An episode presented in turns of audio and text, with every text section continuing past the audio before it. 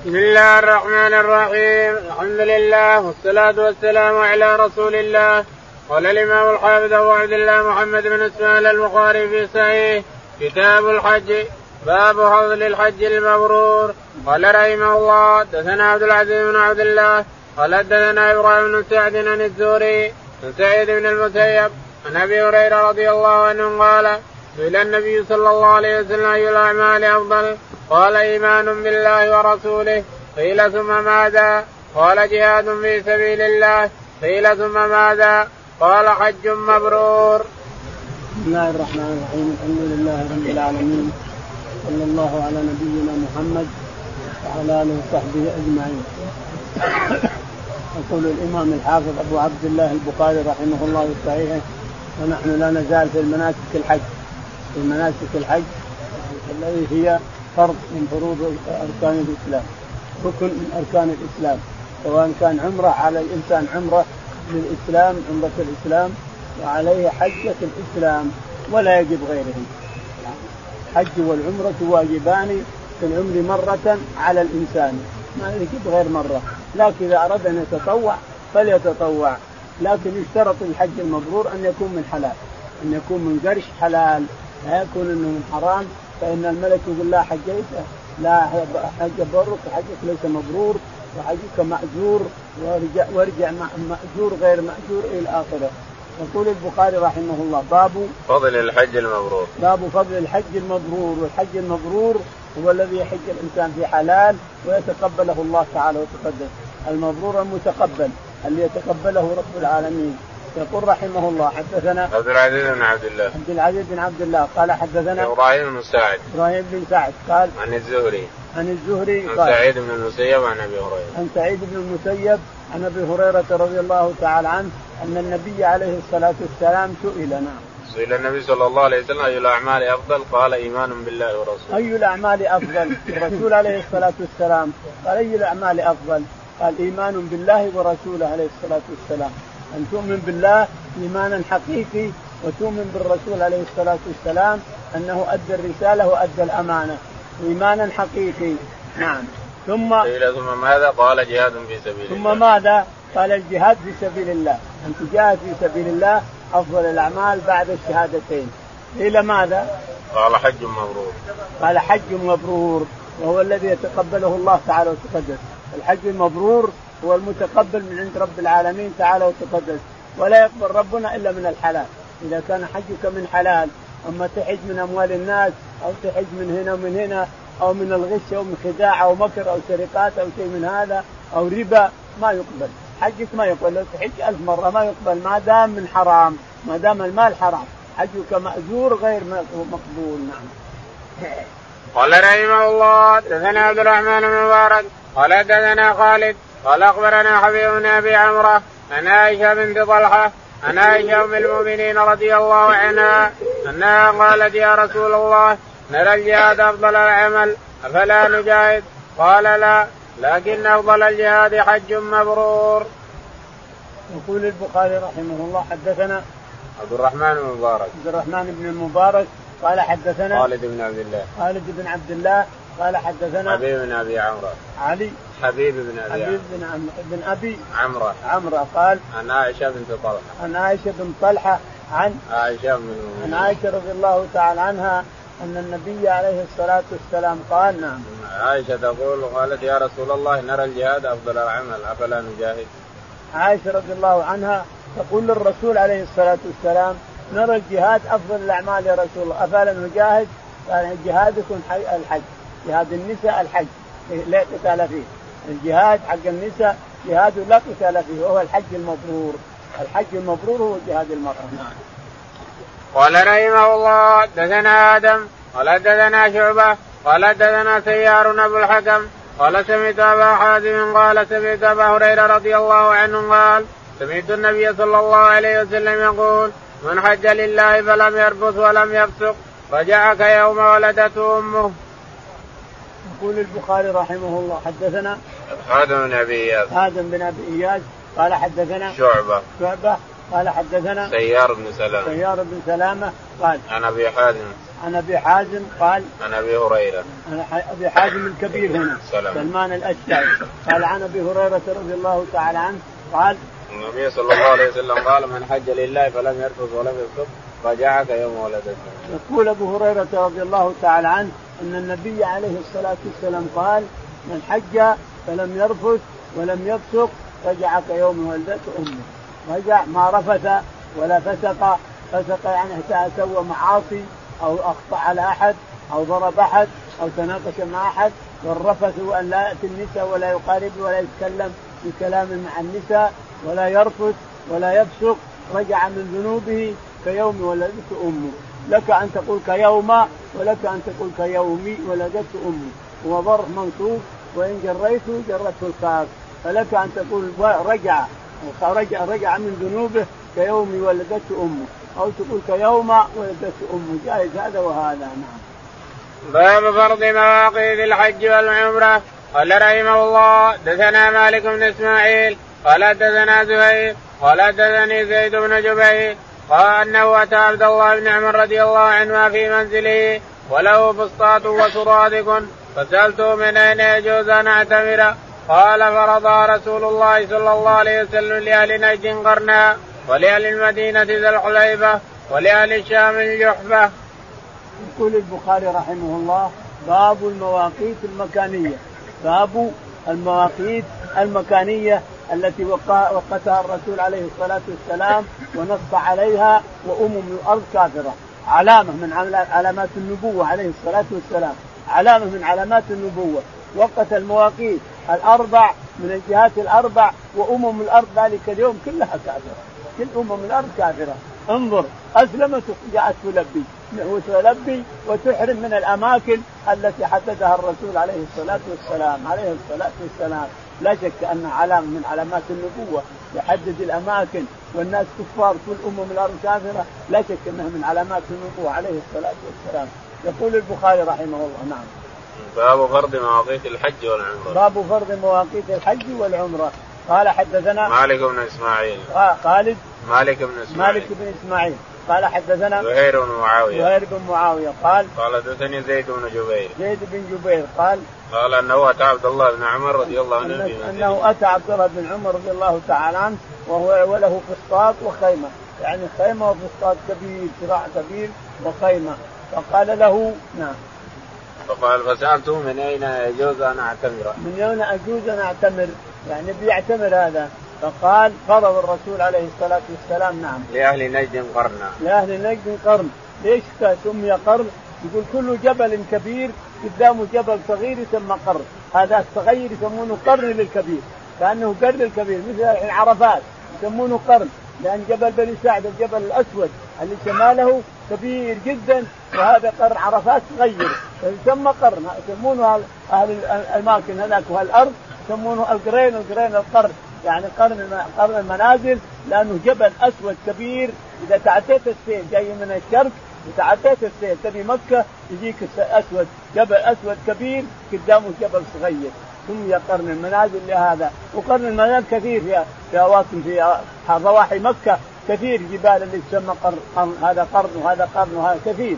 لكن قرن المنازل الذي حدده الرسول معروف وهو أنك إذا تعديت السيل الكبير على يمينك جبل أسود كبير ممتد اللي يسمى القرن وقدامه جبل صغير هو الذي يسمى على أن المكان كله الأرض كلها تسمى قرن كل الأماكن هذه ثم حرمت من قبل الوادي أو حرمت من دون الوادي كله سواء كله سواء. كله يسمى كل الأرض ذيك تسمى قرن المنازل.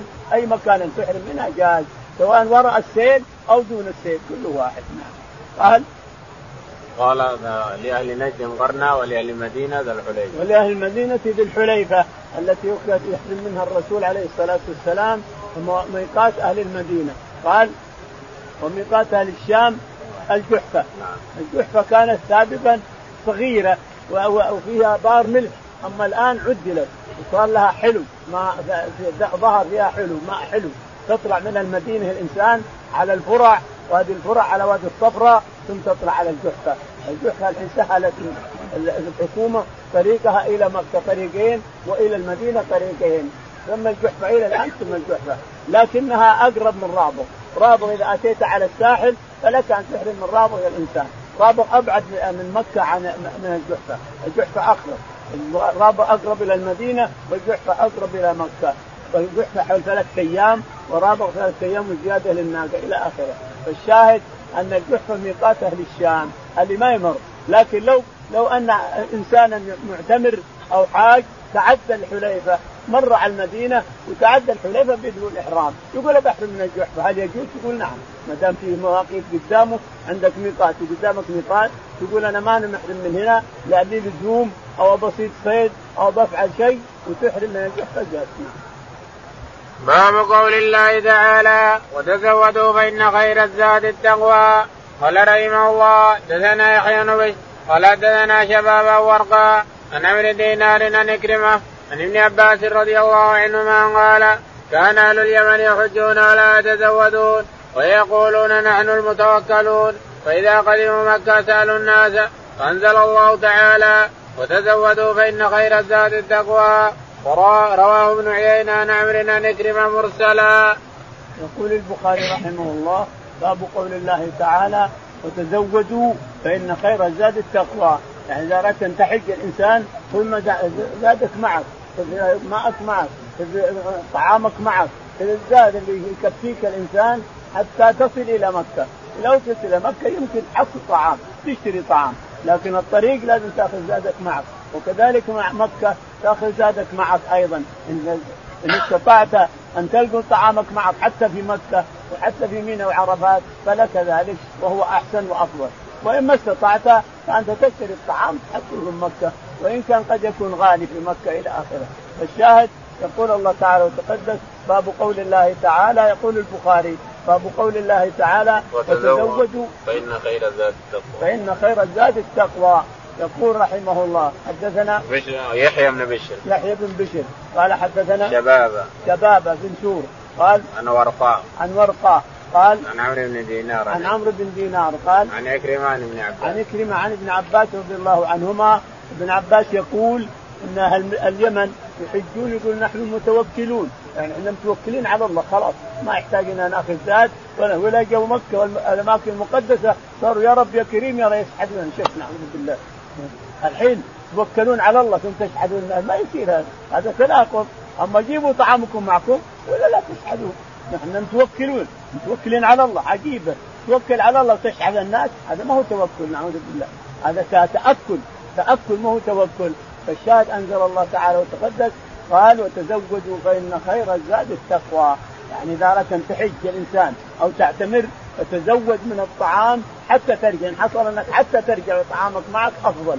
وتزودوا فإن خير الزاد التقوى. يعني أنك تزودت الإنسان تزود أيضا بالتقوى. تزود حسي ومعنوي.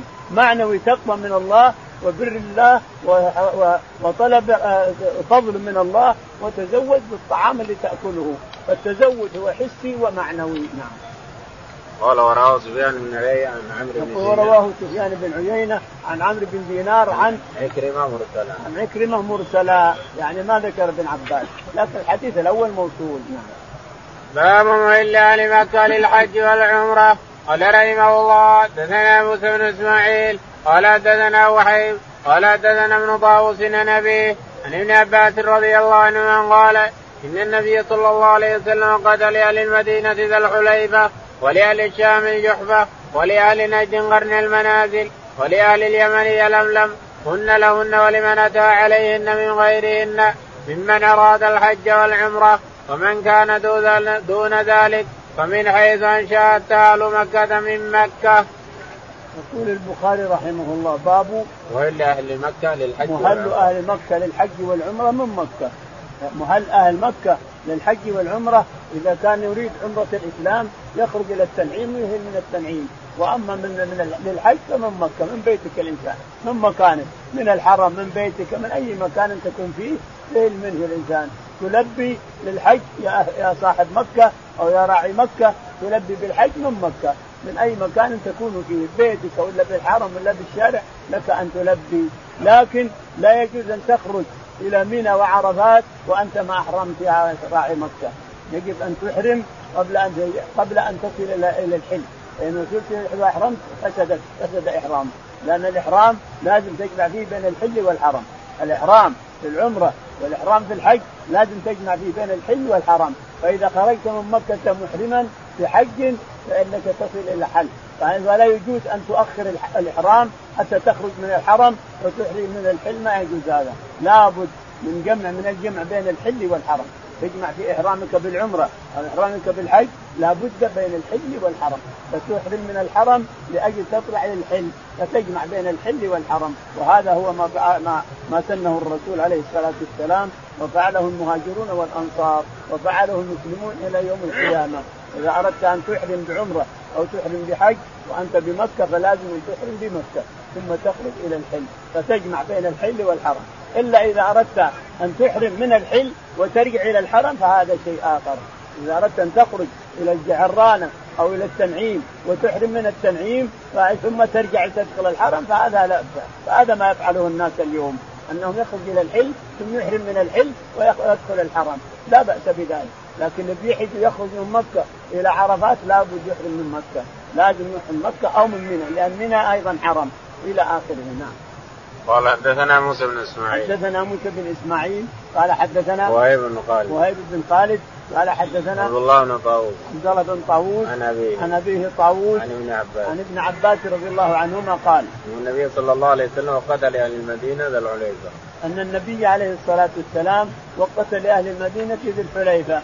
ووقت لأهل الشام الجحفة ووقت لأهل اليمن يلملم. يلملم هنا عند جبل يسمى صاعدة.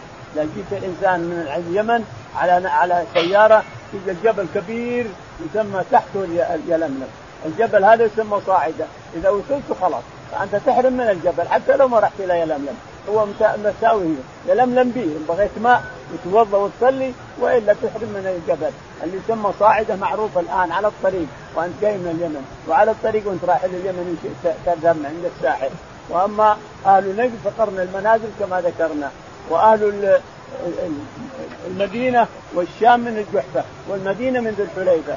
نعم. هن لهن ولمن أتى عليهن. هن لهن ولمن أتى عليهن من غير أهلهن ممن يريد الحج والعمرة. حتى أهل مكة من مكة. لاحظ قال قول الرسول عليه الصلاة والسلام هن لهن ولمن أتى عليهن من غير أهلهن ممن يريد الحج أو العمرة. حتى أهل مكة من مكة.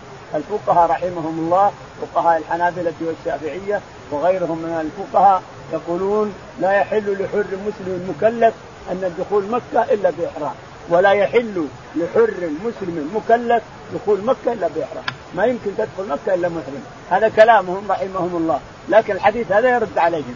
يقول هن لهن ولمن أتى عليهن من غير أهلنا. ممن يريد لاحظ. ممن يريد الحج أو العمرة. يعني إذا ما أردت الحج ولا عمرة ما عليه شيء. ليش تقول ولا يحل؟ الحل هذا منين جبتوه ولا يحل لحر مسلم مكلف دخول مكة إلا بإحرام. عجيبة. منين جبتوا هذا؟ ولا يحل لحر مسلم مكلف أراد مكة أو الحرم إلا دخول مكة إلا بإحرام. منين جبتوا هذا؟ ما دام الرسول عليه الصلاة والسلام يقول هن لهن ولمن أتى عليهن من غير أهلهن ممن يريد حتى أهل مكة ممن يريد الحج أو العمرة. حتى أهل مكة من مكة. حتى أهل مكة يحرمون من مكة. ميقاتهم مكة للحج وميقاتهم الحل للعمرة إلى آخره. ومن كان دون ذلك فمن حيث ومن كان دون ذلك فمهله من من بيته من قريته مثل بحره دون الميقات مثل جدة دون الميقات مثل على الطريق من القضيمة وغيرها على الطريق من رابع تجي من رابع والرابع وتطاف تحرم من بيتك الانسان بلاده من قريتك اللي فيها ما دام انها دون الميقات احرم من بلدك باب ميقات أهل المدينة ولا يحل قبل ذي الحليفة. قال رحمه الله حدثنا عبد الله بن يوسف قال أخبرنا مالك النافع عن عبد الله بن عمر رضي الله عنهما أن رسول الله صلى الله عليه وسلم قال يحل أهل المدينة من ذي الحليفة وأهل الشام من الجحفة وأهل نيد من قرن. قال عبد الله وبلغني أن رسول الله صلى الله عليه وسلم قال ويحل أهل اليمن من يلملم. يقول البخاري رحمه الله حدثنا باب ميقات أهل المدينة. باب ميقات أهل المدينة. ميقات أهل المدينة. حدثنا ولا يحل قبل ذي الحليفه ولا يحل قبل دخوله. قال قال حدثنا عبد الله بن يوسف. عبد الله بن حدثنا عبد الله بن يوسف. قال حدثنا مالك بن أنس. مالك رحمه الله. قال حدثنا نافع عن ابن عمر. نافع عن ابن عمر. قال إنها الرسول عليه الصلاة والسلام وقت لأهل نجد المنازل. ولأهل الشام الجحفة ولأهل المدينة ذي الحليفة. وبلغني يقول ابن عمر مع أنه حديث صحيح عن ثلاث من الصحابة اليمن يلملم أهل اليمن يلملم ابن عمر يقول بلغني. يعني سمعت من الصحابة لا من الرسول لأنه ما بلغ عن الرسول عليه الصلاة والسلام لكن سمعت من الصحابة وما نقله الصحابة كفى خلاص. سمعت أنهم أن الرسول عليه الصلاة والسلام قال وأهل أهل اليمن يلملم أربع أماكن. عندنا أربع هنا. الشام جنوب وشمال وشرق وغرب. هذه أربعة أماكن. كل مكان فيها ميقات لمن يريد أن يحج من بلاده نعم. باب إلا للشام. قال رحمه الله دثنا مسدد. قال حدثنا حماد بن عمرو بن دينار عن طاووس بن عباس رضي الله عنهما قال وقد رسول الله صلى الله عليه وسلم لأهل المدينة ذا الحليفة وللشام الجحفة ولأهل نجد قرن المنازل ولأهل اليمن يلملم فهن لهن ولمن أتى عليهن من غير أهلهن. ممن كان يريد الحج والعمرة ومن كان دونهن فمهله من أهله. وكذلك حتى أهل مكة يهلون منها. يقول البخاري رحمه الله حدثنا باب مهل أهل الشام. باب مهل أهل الشام يعني ميقات أهل الشام. فين حدثنا مسدد. حدثنا مسدد. مسدد. قال حدثنا حماد بن زيد. حماد بن زيد قال عن عمرو بن دينار. عن عمرو بن دينار قال عن طاووس عن ابن عباس. عن طاووس عن ابن عباس أن النبي عليه الصلاة والسلام وقت لاهل المدينة ذي الحليفة ولأهل الشام الجحفة ولأهل نجد قرن المنازل ولأهل اليمن يلملم. أربعة مواقيت لأربعة جهات أربع جهات شرق وغرب وشمال وجنوب. أربع جهات لها أربع مواقيت. تجي أمم الأرض هذه من بلادها وتحرم من موقته الرسول عليه الصلاة والسلام. باب ما إلا أهل نجد قال رحمه الله دثنا علي قال دثنا سفيان حفظناه من الزور عن سالم عن أبيه وقتل النبي صلى الله عليه وسلم. قال حدثنا أحمد قال حدثنا ابن وهب قال أخبرني يونس بن شهاب عن سالم بن عبد الله النبي رضي الله عنه قال سمعت رسول الله صلى الله عليه وسلم يقول مهل أهل المدينة ذو الحليفة ومهل أهل الشام وحيعة وهي الجحفة وأهل نجد قرن. قال ابن عمر رضي الله عنهما زعموا أن النبي صلى الله عليه وسلم قال ولم يسمعه ومهل أهل اليمن يلملم. يقول البخاري رحمه الله حدثنا باب مهل أهل نجد مهل أهل نجد يقول حدثنا علي بن عبد الله المديني. علي بن عبد الله المديني قال قال حدثنا سفيان بن عيينة. حدثنا سفيان بن عيينة قال يقول حفظناه من الزهري. حدثنا حفظناه حفظناه من الزهري. حفظناه يقول ابن عيينة حفظناه من الزهري يعني حدثنا به الزهري وحفظناه منه. ولا قال حدثنا لأن قولوا حفظناه وحدثنا واحد. حفظناه من الزهري يعني قاله قاله لنا الزهري مشافهة. قال عن سالم بن عبد الله عن عن سالم بن عبد الله بن عمر عن أبي عبد الله بن عمر رضي الله عنهما أن النبي عليه الصلاة والسلام وقت لأهل المدينة ذي الحليفة ولأهل الشام الجحفة ولأهل نكر من المنازل يقول وبلغني أن النبي أو قال دعم الصحابة رضي الله عنهم أن النبي عليه الصلاة والسلام وقت لأهل اليمن يا لملم يلملم هذا صاعدة معروفة إذا رحت الانسان من هنا قريب للسيارة ساعة واحدة تأتي صاعد جبل كبير للسيارة اظنها ساعة أو أكثر من ساعة شوية. تجد تشوف جبل كبير تحته البير اللي يسمى يلملم لكنه مر. إذا ما الانسان يحمل ماءه معه هناك. نعم. قال حدثنا أحمد بن عيسى. يقول حدثنا أحمد بن عيسى. قال حدثنا ابن وهب.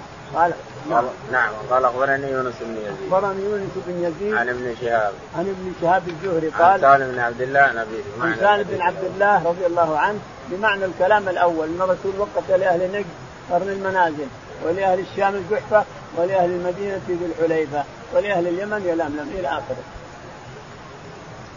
باب ما لمن كان دون المواقيت. قال رحمه الله دثنا قتيبة قال دثنا حماد بن عن ابن عباس رضي الله عنهما أن النبي صلى الله عليه وسلم قتل لاهل المدينة ذا الحليفة ولأهل الشام الجحفة ولأهل اليمن يلملم ولأهل نجد قرنا فهن لهن لمن أتى عليهن من غير أهلهن ممن كان يريد الحج والعمرة فمن كان دونهن فمن أهله.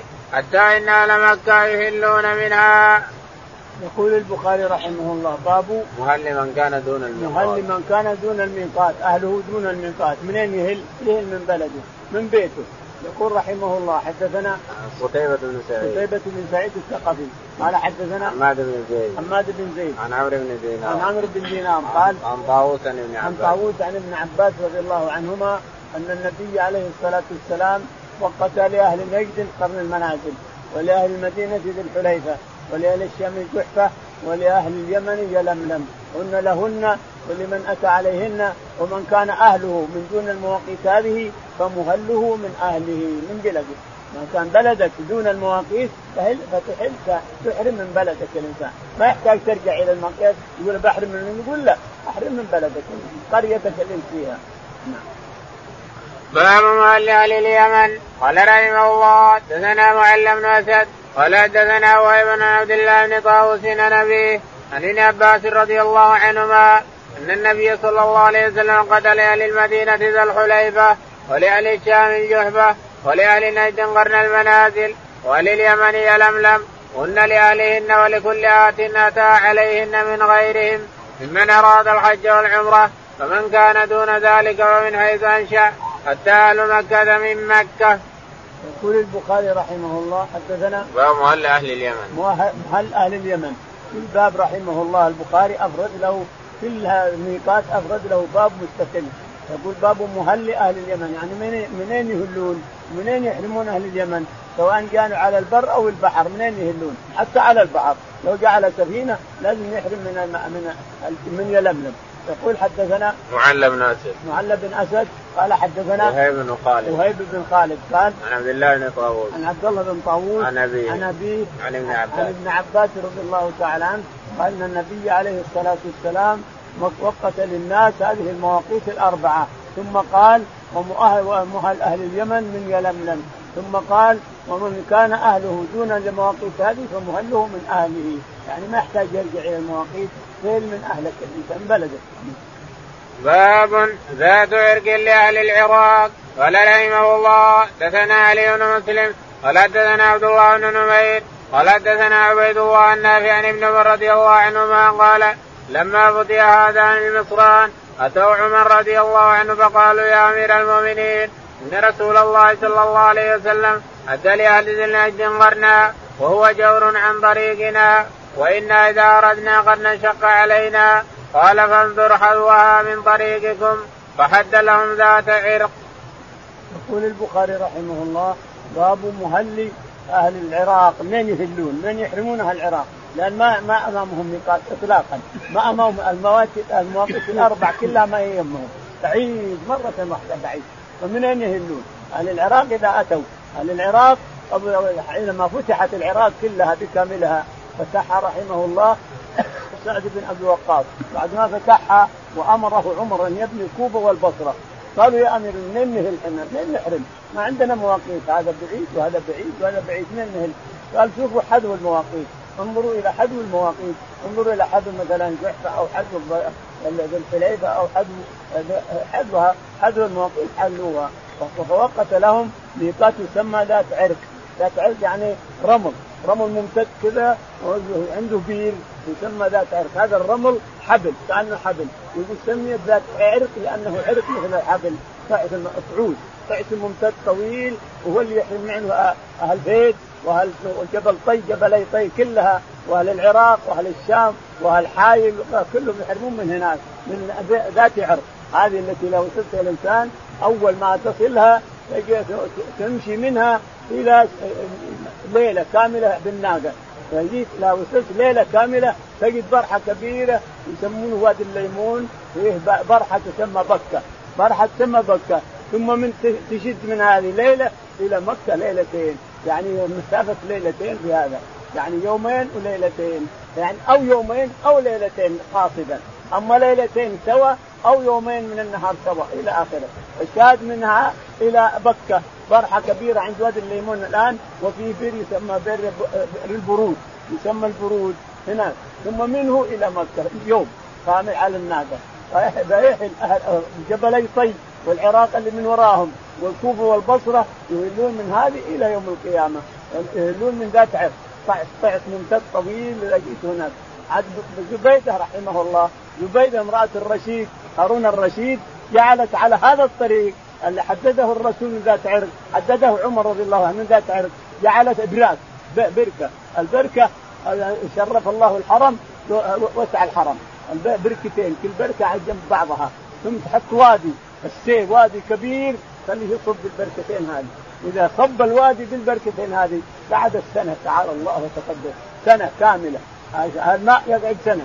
تشرب الطيور والحيوانات والحجاج والإبل والضوال. يشرب كل أحد من هذه البركتين ومع هذا طافح وصافي. تعالى الله تأخذ معينك وتشرب صافي وأحلى من العسل. حلو. تشرب يدعون الناس بالبيضة إلى ما وصلت حاله هذا هنا شمال شمال مكة. ريحه ولا شيء. سبحان الله. يشرب الحيوانات والطيور والإبل والضوال والحجاج والمعتمرين يشربون من هذا البلاد ويدعون لبيضة إلى هنا إلى قريب مكة إلى هذا الحره بحدود الحره من هنا إلى هذا وكل مكان في المنزل. تمشي الإنسان يوم كامل ثم تجي بركتين ثم يوم كامل ثم بركتين ثم يوم من العراق لما وصلت مكة رحمه الله ورضي عنه. امرأة هارون زبيدة امرأة الرشيد اللي عملت العمل. ومع هذا لاحظوا يا إخواني مع هذا رؤيت في النوم. وقيل لها ما فعل الله بك؟ انت عملت أعمال خيرية كبيرة. قالت كل شيء راح لها له. كل حبة راحت لها لها. ما دام المال للمسلمين في للمسلمين الأجر. ما لي شيء أنا. أنا يلا نفعني الله بركعتين في الضحى كنت أصلي. الله كل هالاعمال الخيرية. وكل العمل الصالح هذا راح لأهله. توزع وكل يعطي حقه ولا بقي له إلا صلاة كانت تصليها في الضحى هذا هذا هذا الأمل. هذا العمل الخير يروح إلى المسلمين. لأنك حق اللي في أرحام الاباء أرحام الأمهات وأصلاب الآباء لهم حق في المال. فإذا ما دام لهم حق فكل إنسان يأخذ حقه. كل إنسان يأخذ حقه يوم القيامة من الاجر قال حدثنا علي بن مسلم. يقول رحمه الله حدثنا علي بن مسلم. قال حدثنا عبد الله بن المبارك عبد الله بن المبارك قال قال حدثنا عبيد الله عن نافع عبيد الله عن نافع عن ابن عمر قال قال لما فتح هذان المصران أتوا عمر فقالوا يا أمير المؤمنين رسول الله صلى الله عليه وسلم حدث لاهل المدينة يقول لما فتح هذا المصران هذان المصران أو قال بني هذان المصران يعني الكوفة والبصرة عمر رضي الله تعالى عنه لما رأى أن الجيوش تبعد تبعد تدخل إلى فارس تدخل إلى أواخر العراق ولا مدد لها بعيده المدينة. قال ابن ابن مدينتين فبنى الكوفة والبصرة سعد رضي الله عنه. بنى الكوفة والبصرة فصار الجيوش تجتمع في الكوفة وفي البصرة. وإذا أراد أحد من الجيوش اللي في فارس أو في أواخر العراق أرادوا مدد امدوا من هذين القريتين من الكوفة والبصرة. أول من اسسهما سعد رضي الله عنه بأمر من عمر بن الخطاب رضي الله عنه. رجل ملهم. عمر رضي الله عنه ملهم. الجيوش صارت تأتي إلى العراق بقرب منه أول كانت من المدينة تصل الجيوش والأمداد من بعيد مرة. فقال ابن نصرين قال له سند للمسلمين تجتمع الجيوش كلها. نعم باب. قال رحمه الله دثنا عبد الله بن يوسف قال أخبرنا مالك النافع عن عبد الله بن عمر رضي الله عنهما إن رسول الله صلى الله عليه وسلم أناق بالبطحاء بذي الحليفة فصلى بها وكان عبد الله بن عمر رضي الله عنهما يفعل ذلك. يقول البخاري رحمه الله باب باب فقط. ها؟ الترجمه باب فقط. حدثنا عبد الله عبد الله بن يوسف. حدثنا عبد الله بن يوسف. قال حدثنا مالك بن أنس. مالك بن أنس. قال حدثنا نافع عن عبد الله بن نافع عن عبد الله بن عمر قال أن رسول الله صلى الله عليه وسلم أناق بالبطحاء بذي الحليفة فصلى بها. أن النبي عليه الصلاة والسلام أناق بالبطحاء بذي الحليفة. البطحه وادي. لقيته إذا طلعت من المدينة وصلت الحليفة في وادي على يمينك يسمى العقيق. وادي العقيق كبير الشجر. شجر فيها السمر كبير مرة. فإذا وصلت ذاك فهو وادي مبارك يسمى العقيق وهو الذي نزل جبريل وهو الذي نزل جبريل على الرسول عليه الصلاة والسلام وقال إنك في الوادي المبارك فاجعلها حجة في عمرة. الرسول كان أفرد الحج الحالي قال لا اجعلها حجة في عمرة. إنك في الوادي المبارك العقيق فجعلها حجة في عمرة. فجمع عليه الصلاة والسلام الحج والعمرة وكان قارنا عليه الصلاة والسلام. نعم. وكان ابن عمر يفعل ذلك. وكان ابن عمر رضي الله عنه ينزل في الوادي ويصلي وكان ولده سالم ينزل في الوادي ويصلي إذا أراد أن يحرم. إذا اراد إذا وصلوا الحليفة وأرادوا أن يحرموا نزلوا في الوادي أول وصلوا فيه ثم أحرموا. باب خروج النبي صلى الله عليه وسلم على طريق الشجرة. قال رحمه الله دثنا إبراهيم المنذر قال دثنا أنس بن عياض عن عبيد الله النافع عن عبد الله بن عمر رضي الله عنهما أن رسول الله صلى الله عليه وسلم كان يخرج من طريق الشجرة ويدخل من طريق المعرس وأن رسول الله صلى الله عليه وسلم كان إذا خرج إلى مكة يصلي في مسجد الشجرة وإذا رجع صلى بذي الحليفة بإذن الوادي وبات حتى يصبح. يقول البخاري رحمه الله باب خروج النبي صلى الله عليه وسلم على طريق الشجرة. خروج النبي عليه الصلاة والسلام على طريق الشجرة. يعني إذا أراد أن يعتمر أو يحج عليه الصلاة والسلام خرج عن طريق الشجرة، الشجرة اللي في بطن الوادي التي نزل عليه جبريل بها، نزل الوحي عليه بهذه الشجرة. يعني في العقيق في وادي العقيق، فيخرج من طريق الشجرة ويأتي من طريق المعرس، المعرس على الحليفة، المعرس على الحليفة المعروفة الآن آبار علي، عليها عندها المحرس هناك يعني يبات فيه ولا يهجم على المدينة حتى يصبح. لأنه نهى عن أن نهجم على النساء بالليل. ما يجوز. نهى عليه الصلاة والسلام عن الهجوم على أهلك بالليل. لأن سبحان الله أول ما استعدت لك وثانيا سبحان الله بشر. قد تكون كذا قد تكون كذا قد فلا يجوز طرق المرأة بالليل. يبيت عليه الصلاة والسلام هو الجيوش اللي معه أو الحجاج اللي معه إلى الصبح. فإذا أصبحوا وخرجت الشمس دخل المدينة عليه الصلاة والسلام. آداب إسلامية علم أمته بالآداب الإسلامية. نعم.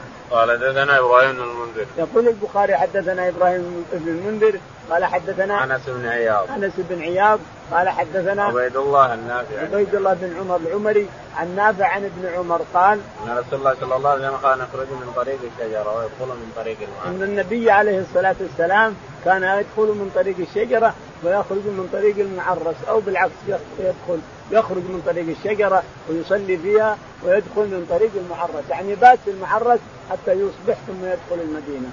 أن رسول الله صلى الله عليه وسلم كان إذا خرج إلى مكة يصلي في مسجد الشجرة.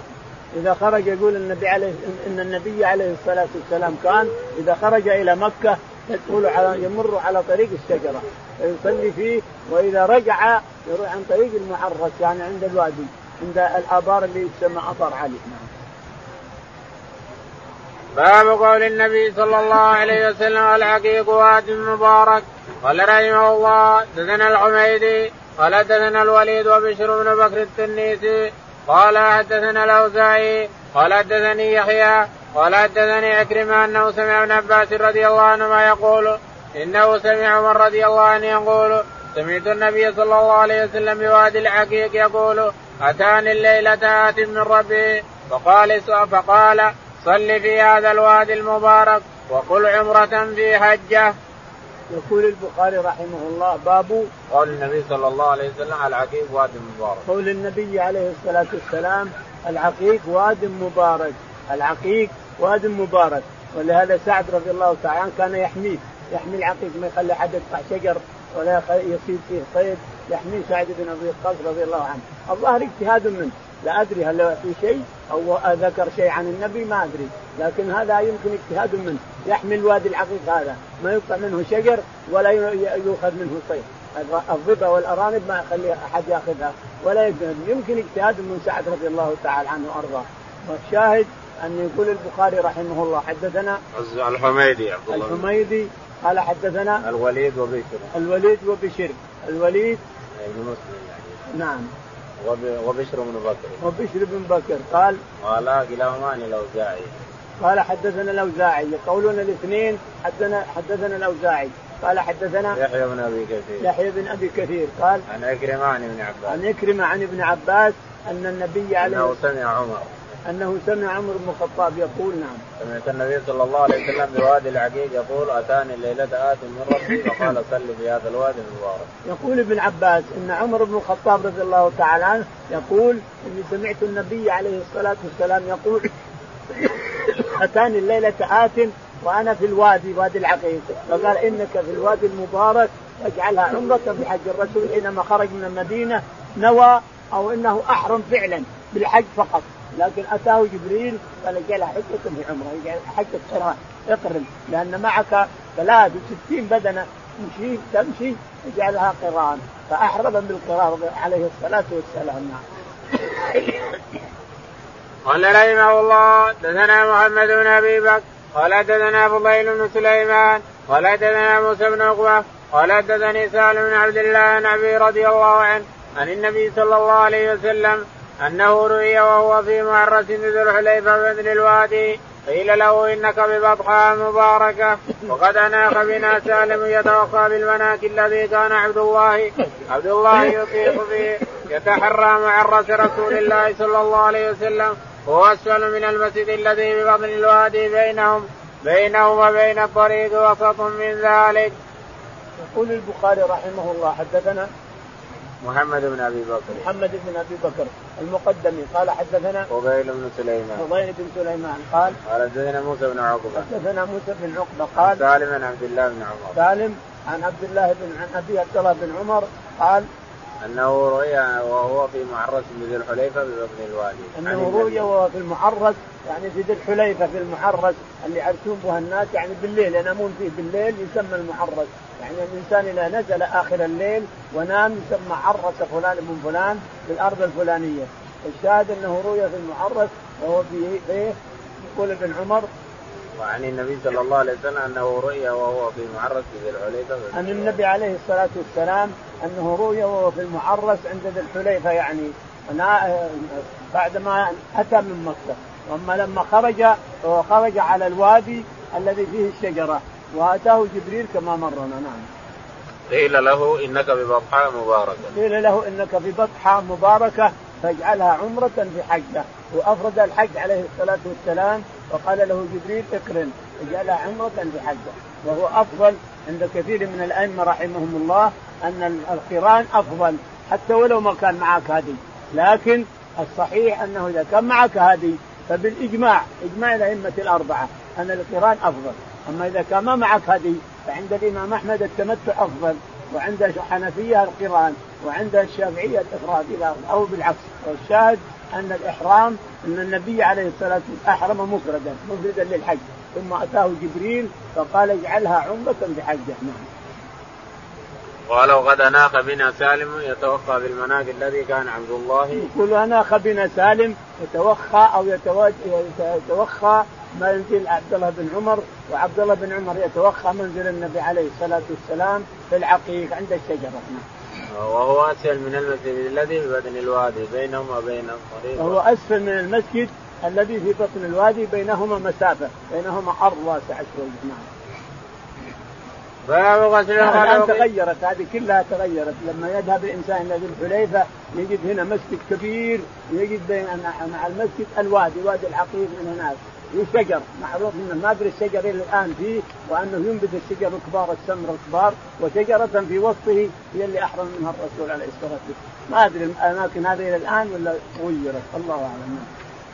باب غسل الخلوق ثلاث مرات من الثياب.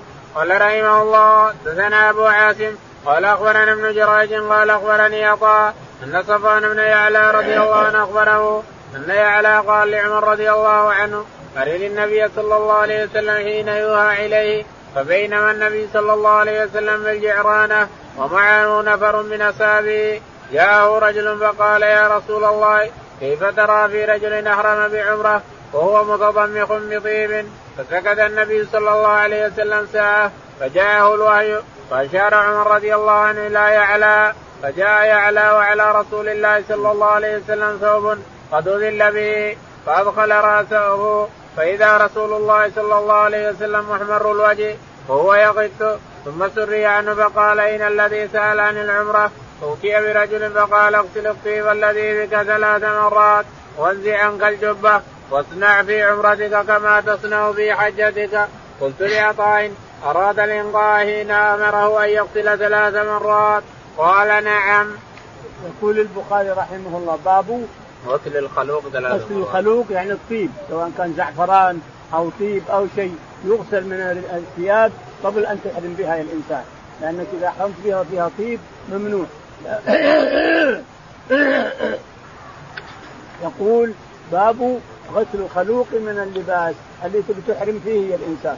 يقول البخاري حدثنا أبو عاصم. أبو عاصم. قال حدثنا ابن جريج. ابن جريج. قال حدثنا عطاء. عطاء بن أبي رباح. قال عن صفوان بن يعلى. عن صفوان بن يعلى. صفوان بن يعلى قال أن يعلى قال لعمر رضي الله عنه أرني النبي صلى الله عليه وسلم حين أن يعلى يعلى بن منية ويعلى ابن أمية، أمية أبوه وأمه ام منيه، يعلى بن منية يسمى ويعلى بن أمية رضي الله عنهم أجمعين، قال لعمر بن الخطاب أرغب. أحب أن أرى الرسول وهو يوحى إليه، يا عمر تكفى، أحب أن أرى الرسول. أشوف الرسول وهو يوحى إليه عليه الصلاة والسلام، فقال اصبر قليلا، فجاء أعرابي عليه جبة وفيها خلوق من هنا ومن هنا ومن هنا، فقال يا رسول الله أنا أريد العمرة وأريد فماذا اسعى أفعل؟ قال انزع عنك هذه الجبة. واغسل اغسل ما فيها من الخلوق ثلاث مرات وافعل في عمرتك كما أو قال ما تفعل في حجه لاحظوا يا اخواني ما تفعل بعض الإخوان هنا أو بعض طلبة العلم هنا يقول ليس للعمرة وداع الرسول عليه الصلاة والسلام يقول للرجل افعل في عمرتك هذه ما تفعل في حجتك.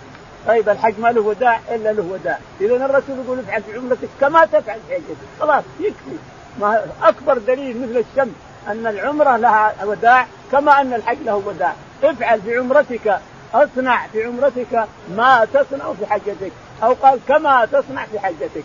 فإذا كان بيصنع في العمرة كما يصنع في الحج فهل يوادع؟ نعم يوادع. هل هي واجبة؟ نعم واجبة. واللي ما وادع عليه إثم واللي ما وادع عليه طلي بعد عليه فدية. لا شك في هذا لأن الرسول أفتى الرجل قال اصنع في عمرتك كما تصنع في عمرتك في حجك.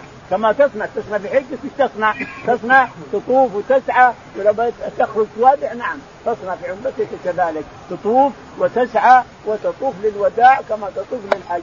هذا حجة الإمام أحمد رحمه الله وكثير من العلماء أنه لا بد من الوداع وإلا على للعمرة وإلا فعليه دم وعليه إثم أيضا. لأن هذا حجة لمن أراد أن يثبت الوداع للعمرة حجة. الشاهد قال اصنع في عمرتك ما كما تصنع في حجتك. اغسل هذا هو الشاهد. اغسل الخلوق والطيب اللي فيها اغسله. ثم البسها ما يخالف. إذا راح الطيب والخلوق البسها مرة ثانية. ثم اصنع في عمرتك كما تصنع في حجتك. نعم. قال أرني حين يوحى اليه فبين النبي صلى الله عليه وسلم يقول يعلى لعمر أرني كيف يوحى اليه إذا كان يوحى اليه ورني إياه. فجاء الأعرابي وسأل الرسول عليه الصلاة والسلام فلم يجبه. نزل الوحي حينئذ. تعال تعال يعلى تعال يعلى فرفع طرف طرف حق الخيمة. طرف الخيمة هذا الرواق حق الخيمة. رفعه عمر رضي الله عنه قال انظر إليه. ولهم يقول فرآه يعلى رضي الله عنه يغط يغط يغط يغط يغط. يعني مغشن مغشي عليه. يغط عليه الصلاة والسلام مغشيا عليه.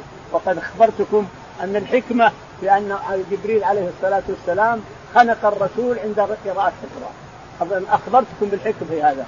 أن الرسول أن الرسول عليه الصلاة والسلام جبريل عليه الصلاة والسلام جاء إلى الرسول في حراء في جبل النور هنا في حراء فغط خنقه حتى بلغ منه الجلد أو بغى يموت ثم فكه ثم خنقه ثم فكه ثم خنقه ثم فكه. وقال اقرأ. قال ما أنا بقارئ. اقرأ ما أنا بقارئ. الثالثه قال اقرأ باسم ربك الذي خلق خلق الإنسان. هذا الخنق هذا توطئة لهذا الغش الغش الذي يصيبه من الوحي. لما أوحى إليه غشي عليه عليه الصلاة والسلام وغط غط غط كثيرا فأراه تعال شوف يا يعلى انظر من ور الرواق رفع الرواق فأراءه عليه السلام يغط يغط يغط. حتى أخذ يمكن دقيقة ودقيقتين ثم سري عنه وذهب والعرق يصب من جبينه قال أين السائل؟ عليه السلام أين السائل؟ فجاء قال أنا يا رسول الله قال اصنع اغسل الخلوق عن جبتك هذه انزع الجبة واغسل ما فيها من طيب وخلوق ثم اصنع في عمرتك كما تصنع في حجتك عليه الصلاة والسلام عليه السلام. قلت لعطاء أراد الانقاء حين امره أن يغسل ثلاث مرات قال نعم. قلت لقاء أراد الانقاء يعني التنظيف نظافة نظافته قال نعم. نظافته عن الخلوق وعن الأطياب وعن كل شيء. وقفت على باب. الله أعلم. نعم. اللهم اهدنا فيمن هديت وعافنا فيمن عافيت وتولنا فيمن توليت. اللهم توفنا مسلمين وألحقنا بالصالحين.